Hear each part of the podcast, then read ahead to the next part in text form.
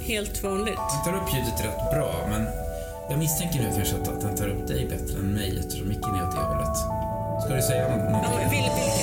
Tjena, Mange här.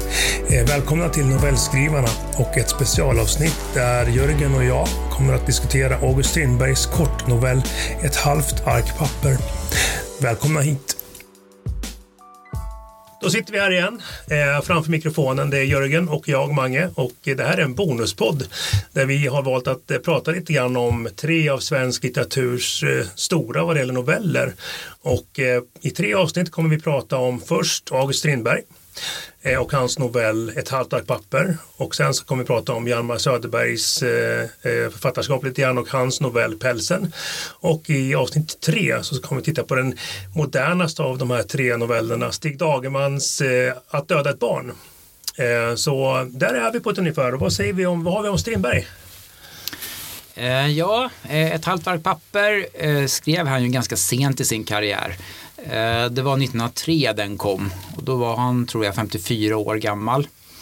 Och han hade väldigt mycket bakom sig. Ehm, ja, jag vet inte. Vi kanske kommer in mer på lite bakgrund till novellen också. Det finns ju ganska mycket intressant i den där novellen. Tidstypiska saker. Mm.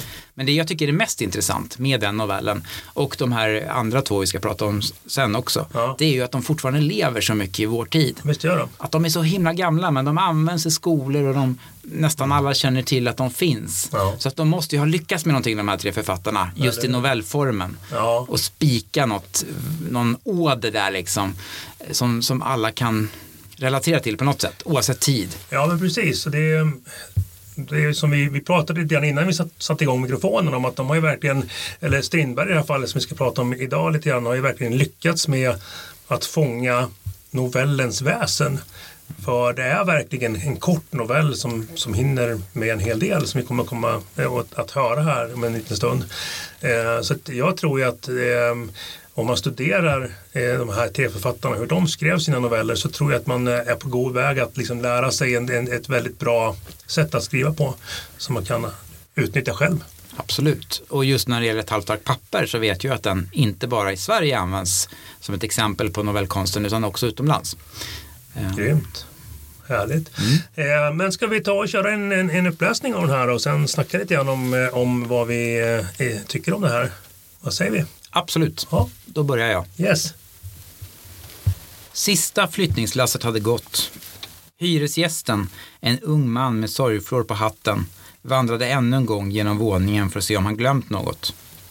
Nej, han hade icke glömt något. Absolut ingenting. Och så gick han ut, i tamburen, fast besluten att icke mer tänka på det han har upplevat i denna våning. Men se, i tamburen, invid telefonen, satt ett halvt ark papper fastnubbat. Och det var fullskrivet med flera stilar, som redigt med bläck, Anna klottrat med blyerts eller rödpenna. Där stod det, hela denna vackra historia, som avspeglas på den korta tiden av två år. Allt han ville glömma stod där, ett stycke människoliv på ett halvt ark papper. Han tog ner arket. Det var sånt där solgult konceptpapper som det lyser av. Han la det på salskakelugnens kappa och lutad över detsamma läste han. Först stod hennes namn, Alice, det vackraste namn han då visste, därför att det var hans fästmö. Och numret, 1511. Det såg ut som ett psalmnummer i kyrkan. Därpå stod banken. Det var hans arbete. Det heliga arbetet som gav brödet, hemmet och makan, grunden till existensen. Men det var överstruket, ty banken hade störtat. Men han hade räddats över på en annan bank, dock efter en kort tid av mycken oro. Så kom det. Blomsterhandeln och hyrkusken. Det var förlovningen, då han hade fickan full av pengar. Därpå möbelhandlaren, tapetseraren, han sätter bo. Expressbyrån, de flyttar in. Operans biljettkontor, 50-50. De är och nygifta och går på operan om söndagarna. Deras bästa stunder då de själva sitter tysta och råkas i skönhet och harmoni i sagolandet på andra sidan ridån. Här följer ett mansnamn som är överstruket. Det var en vän som nått en viss höjd i samhället men som icke kunde bära lyckan utan föll ohjälpligt och måste resa långt bort. Så bräckligt är det. Här synes något nytt ha inträtt i makarnas liv. Det står med en fruntimmers hand och blyertspenna frun. Vilken fru? Jo, den med stora kappan och det vänliga deltagande ansiktet som kommer så tyst och aldrig går genom salen utan tar korridorvägen till sämkammaren. Under hennes namn står Dr. L. För första gången dyker här upp namnet på en släkting. Det står mamma. Det är svärmoden som diskret håller sig undan för att icke störa de nygifta men nu påkallas i nödens stund och kommer med glädje eftersom hon behövs. Här börjar ett stort klotter med blått och rött. Kommissionskontoret. Jungfrun har flyttat eller ska en ny anställas? Apoteket? Hmm, det mörknar. Mejeribolaget. Här rekvireras mjölk, tuberkelfri. Kryddbon, slaktan etc. Huset börjar skötas per telefon. Då är husmodern icke på sin plats. Nej, ty hon ligger till sängs. Det som sedan följde kunde han icke läsa, ty det började skymma för hans ögon.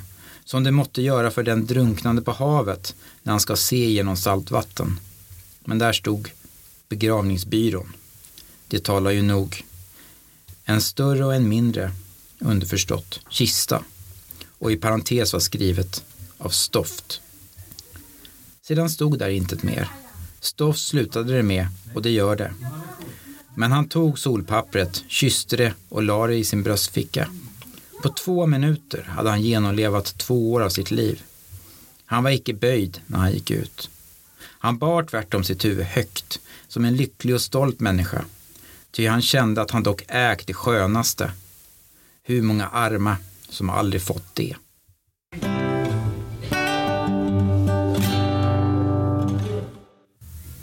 Där har vi den ju. Ett halvt ark, ark papper, en novell med över hundra år på nacken.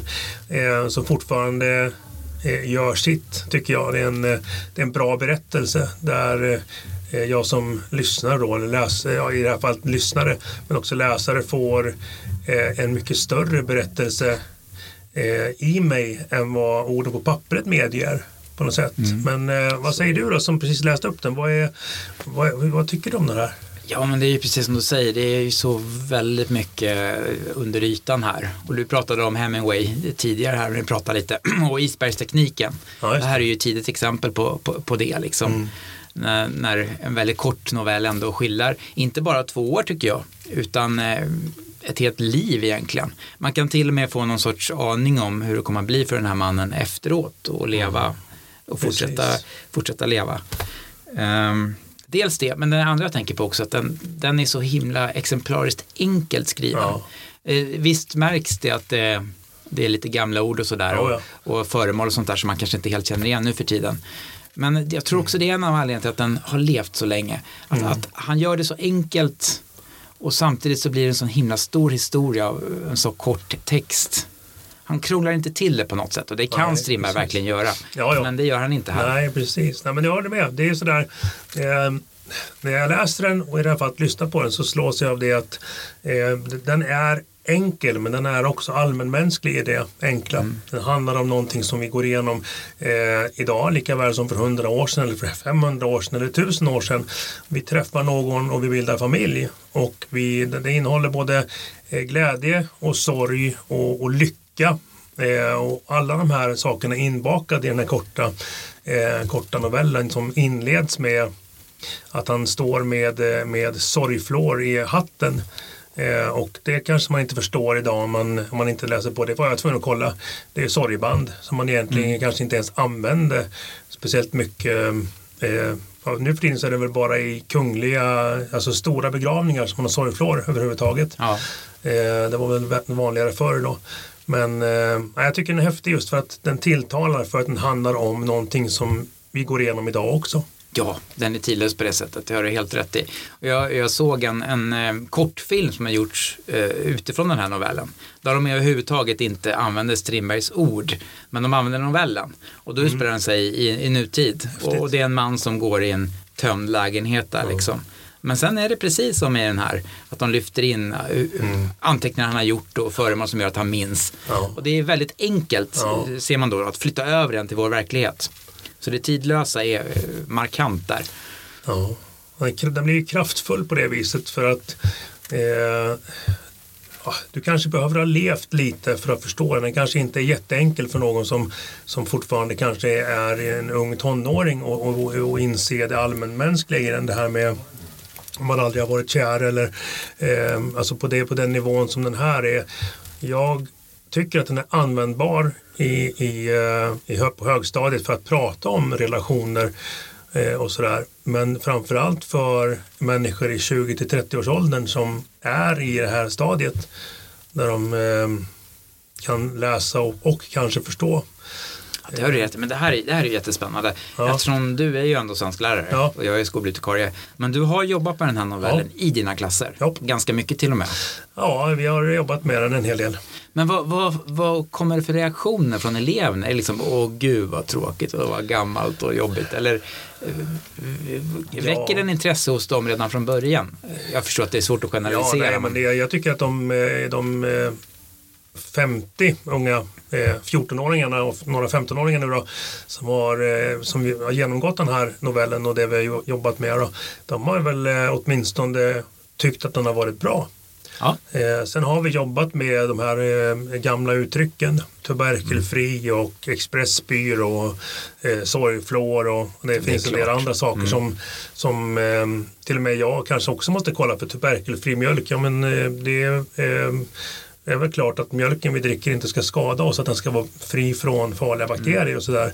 Eh, så, det, så sånt jobbade vi med mycket då, att ta reda på vad, vad de här specialorden betyder. Klart, men då kan man ju också, det blir ju en sorts historielektion i det också. Liksom, Mm. Ja, och visa hur ja, ja. språket förändras och föremålen runt oss förändras. Ja. Liksom, och allt sådär. Ja, vi- vi vi kom in på en diskussion angående det här med var någonstans telefonen befinner sig i det här hemmet. Och det är ju ute i eh, tamburen eller ute i hallen. Och den sitter på väggen. Den sitter fast där.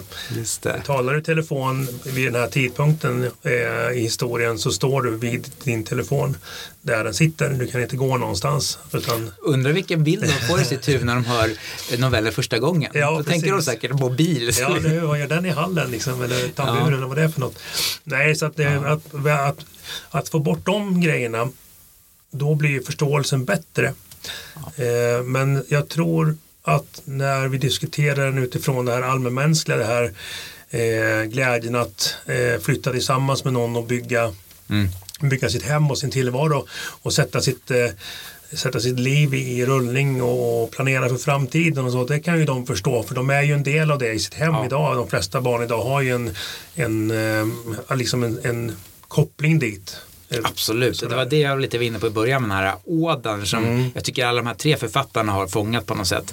Det här som alla människor på något sätt kan relatera till. Ja. Det är väldigt tydligt. Ja men bara som en sån sak som när de, eh, när eh, de går ifrån att kanske då de, de dejtar varandra lite försiktigt i början. De bor inte ihop men de träffas lite eh, och de lever ett ganska bra liv. Han jobbar på bank, tjänar kanske då en del pengar eh, såklart. Eh, De går på operan och, och så vidare och, och är lyckliga.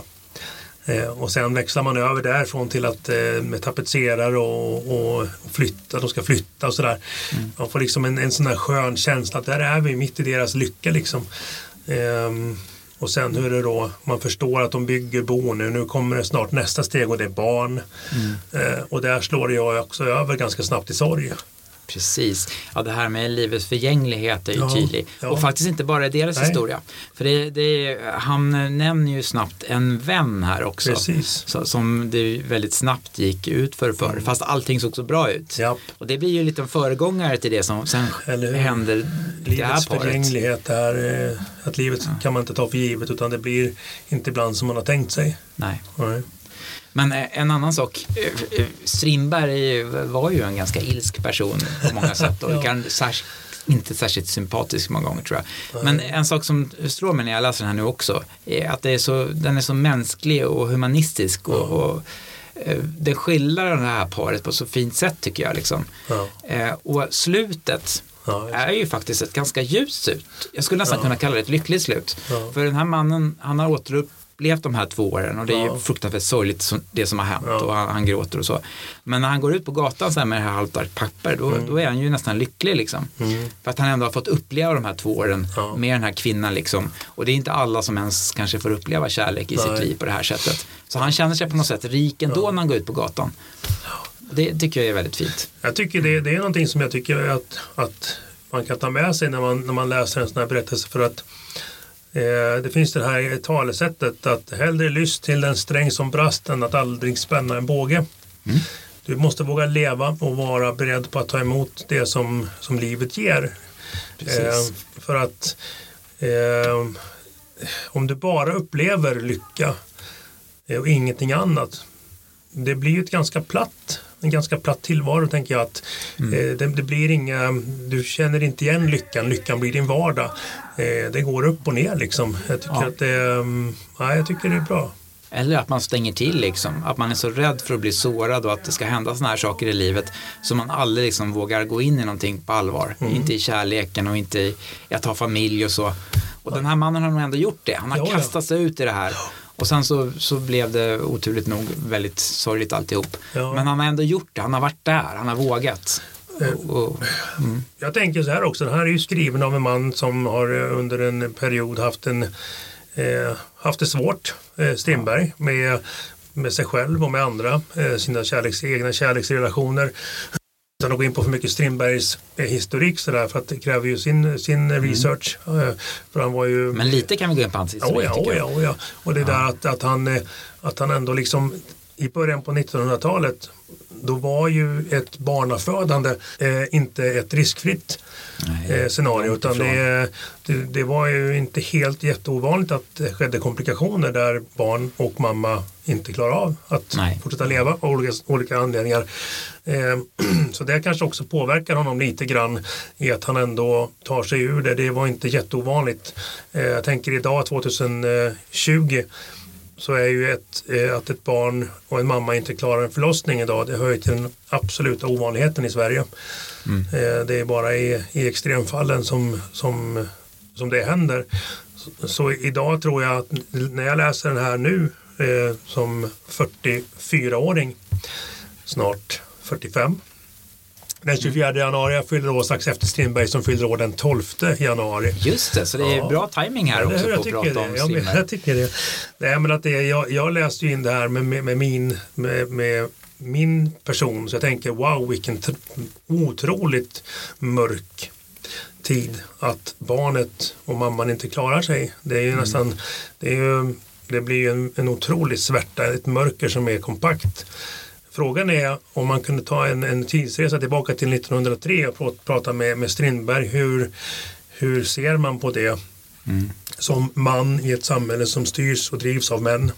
1912, 1903 som den här kom ut. Hur, hur tufft var det? Det är klart att det var jättetufft såklart. Ja, mycket tuffare. Ehm, och det går väl aldrig att komma ifrån att om, om någon man älskar dör så blir man ju förkrossad. Det har ju inte med, med åren att göra men, men eh, frågan är om, om det var mer vanligt förr om det ändå var döden liksom, var mycket mer Ja, tror jag. Men just de här två situationerna, det här med eh, att det går illa när ett barn föds och Ja. eh, att man drabbas av sjukdom. Framförallt det senare, det, det är ju, kan ju fortfarande hända i Ja, ja. vår tid, eller det händer ju hela tiden. Ja. Och eh, en av de få ögonblick kanske i livet när allting ändå sätts på spel, Ja. då har jag tänkt, jag har ju tre barn sådär, Ja. att man vet ju inte hur det kommer att gå riktigt. Det finns ju ett osäkerhetsmoment än Ja, idag ja. liksom. Så är det. Eh, Nej men det Men det finns ju Ja. fler saker här som Ja. faktiskt går att koppla lite till Strindberg själv. Han har ju en, en bror som heter Axel Strindberg, Ja. eller har låter det som. ja han är också död såklart. Det var några år sedan. Ja eller hur. Eh, som, eh, de har ju forskat på det här liksom Ja. och de har ju inte kommit fram till något helt säkert. Men allting tyder ju på att han var ganska inspirerad av sin bror här. Ja, För där hände det något liknande liksom. Ja, där, eh, barnet dog först och sen, sen dog eh, Axels fru Ja okej. i, i barnsäng eller i konsekvens eller Ja. efter det här liksom. Eller hur? Och, och Strindberg han var väldigt, eh, han var ju ganska nära eh, sin bror. Och det var samma år, 1903. Ja, Eh, okej, Den här ja. frun dog 1903 och novellen kom ut senare på året. Ja, nej, men då är det lite grann som vi har Mm. varit inne på där att eh, write what you know, Att en författare som sk- skapar har ju, eh, tror jag, of, ganska ofta ett, ett eh, utgår från egna upplevelser och erfarenheter eh, när man skapar. Det, är- han har också en eh, eh, Ja, men en, en, en sån, sån skör och spröd ton i det här, Ja. den här novellen. som Eller hur, det är väldigt känsligt. Ja. Han vågar, precis som vi pratade om den här mannen som vågar kasta sig ut i känslorna. Ja. Så gör också Strindberg det här. Han, Ja. han är naken och Han är naken, det finns inget skal riktigt. Han är hudlös på riktigt. Ja. Liksom där. Och det som jag tycker är det här som vi pratar om, eh, det som när vi skriver, att, att gestalta. Att, Ja. eh, att, för det är ju det som, det är ju det som händer här. Det är en otrolig mängd gestaltning som gör att han målar ju med bred, bred och smal pensel samtidigt. Han, eh, han placerar huvudpersonen som, som egentligen berättar det här och i ett, en lägenhet som töms. Eh, han använder sig av sånt som vi kan känna till. Han målar upp det här blocket som eh, det här gula pappret eh, och han, eh, det, ringas in med blått och rött. Och när han då kommer fram till den delen i, i, på det här eh, arket då med anteckningar där man förstår att här har det gått illa. Han pratar om det här med saltvattnet och det att det är tårarna det handlar om. Eh, att han har svårt att gå vidare för han, han drabbas ju där av sorg igen. Ehm, nej, det, det, det är en kort och sen, det är en riktig smäll, tänker jag. Riktigt så här, uh, I magen när man läser. Ehm, det, blir, det blir känslosamt och skört. Ja, Ja, ja, men precis. Och det är så små medel liksom. Annars är det ju inte så mycket explicit att han skriver om känslor eller något känsloutbrott i den här. Det är ju nästan bara då Precis. som det verkligen eh, flödar. ja eller hur. liksom. Det, Men eh, bara om vi ska avsluta det här spåret med eh, biografiska Ja. så är det också lite intressant att det är vid den här tiden som hans äktenskap med Harriet Bosse, jag tror det var hans eh, sista äktenskap där, Mm. höll på att gå om stöpet. ja okej. Eh, så det kan också vara någon sorts elegi över förlorad kärlek där liksom. Ja, Man tänker det här klart. nakna och känslosamma liksom.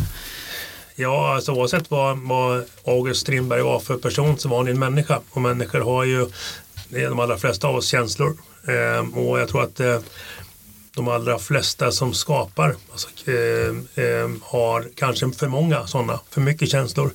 Eh, och kanske också inte heller alltid verktygen att hantera dem på bra sätt. Eh, det är inte helt ovanligt att man eh, som eh, konstnär och så har en eh, förkärlek till droger. Genom århundradena så har man ju Vilket också Strindberg hade. Ja, precis. Och många så att man, man har man är hudlös. Det är ett, ett bra uttryck att man har man har inte förmågan att, att värja sig mot, Nej. mot livet. Livet kommer för nära. Ehm, många av de här och det, jag tror att det, det var kanske det som satte Strindberg lite grann på, på kant med tillvaron. Att han inte ehm, han hade för ett, ett stort hjärta och ett, ehm, ett, eh, ett hett temperament. Ja, och det temperamentet tänker jag, det kan också varit ett litet skydd som han hade för, för att han var så känslig. Mm. Ja, för det, särskilt i början så, eh, av sin karriär så ville han ju bråka med allt och alla. Liksom. Ja. Han var ju på alla de här heliga korna och stampade. Ja, ja, ja. ja jag tycker att det är, Strindberg är, är ju en av Sveriges, eh, tycker jag, första superstjärnor.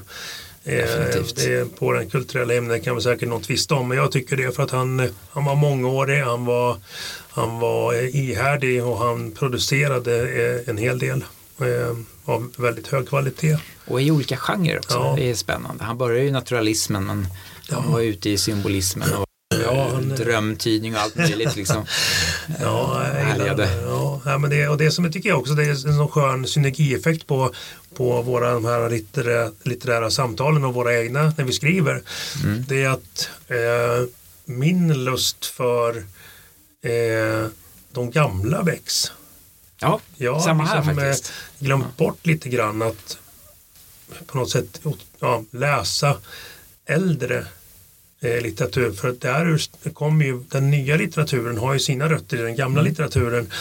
Eh, och jag tror att det är lite, jag ska inte säga farligt, men det är lite tråkigt att man glömmer bort.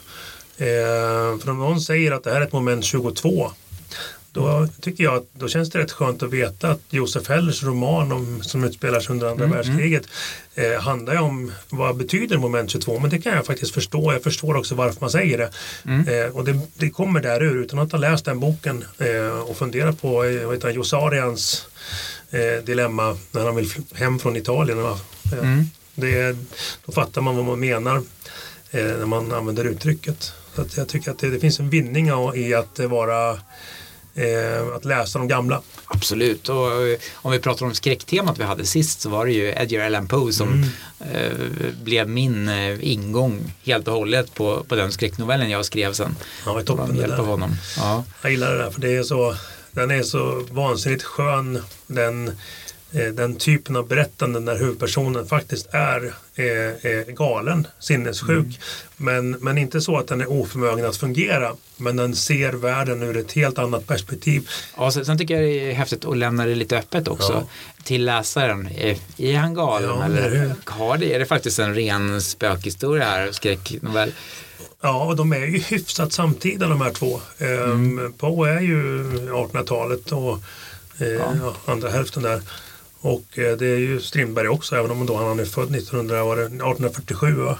Var det så? Ja, ja någonstans där, jag är lite osäker, men i alla fall mitten 1849. 49. Han dog 1912. Så var det, och, um, Båda dras mot galenskap också. Ja, det är ja, någonting det, de återkommer till. Ja, det romantiska draget att man, eh, alltså skräck idag är ju mer jump scares och så vidare som vi pratade om att man vill skrämmas med hjälp av specialeffekter och sådär.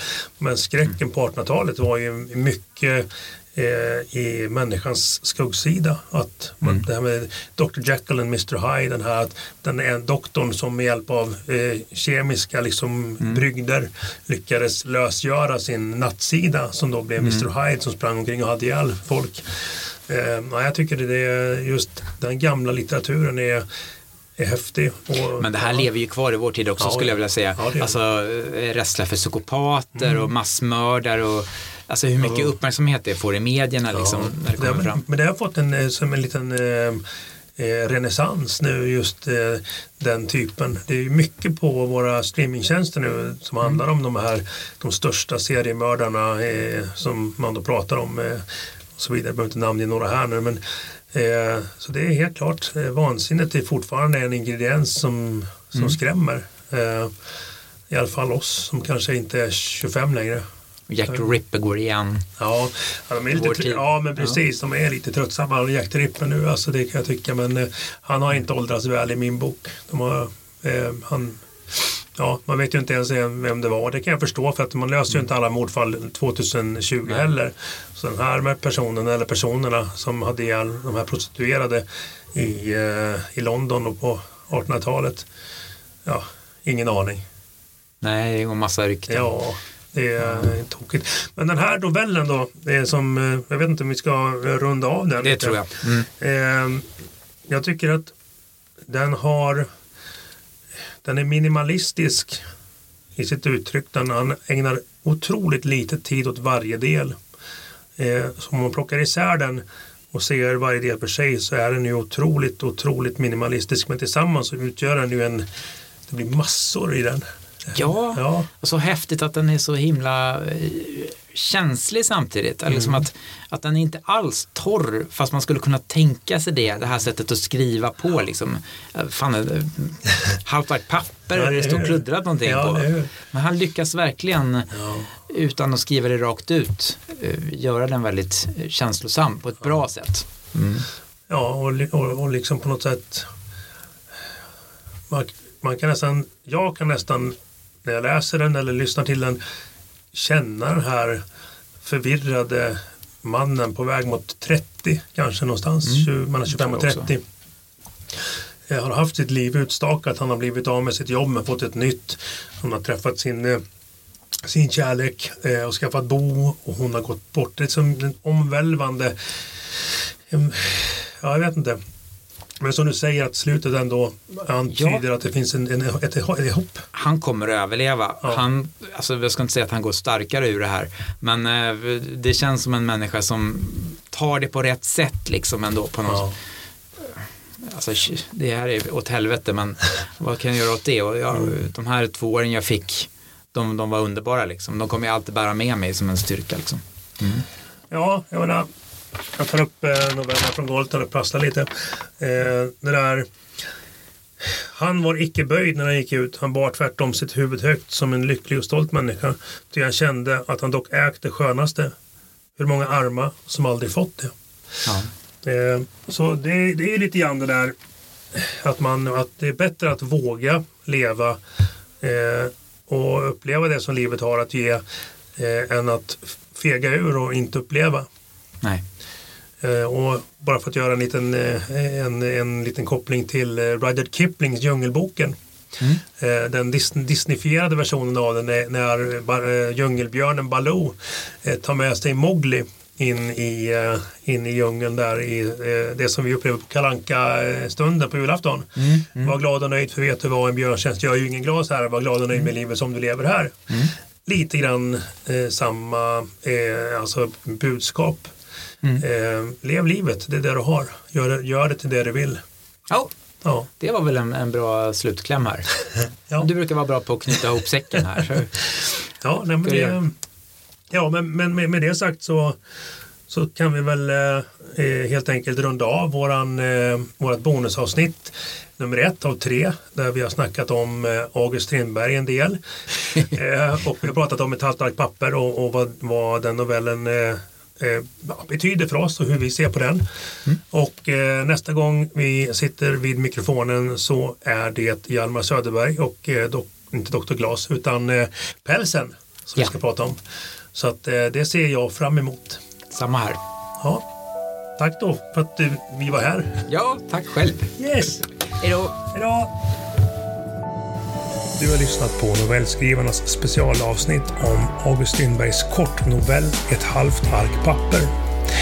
Jörgen och jag, vi tackar för oss och vi hörs igen om ett tag. Ha det bra. Tja!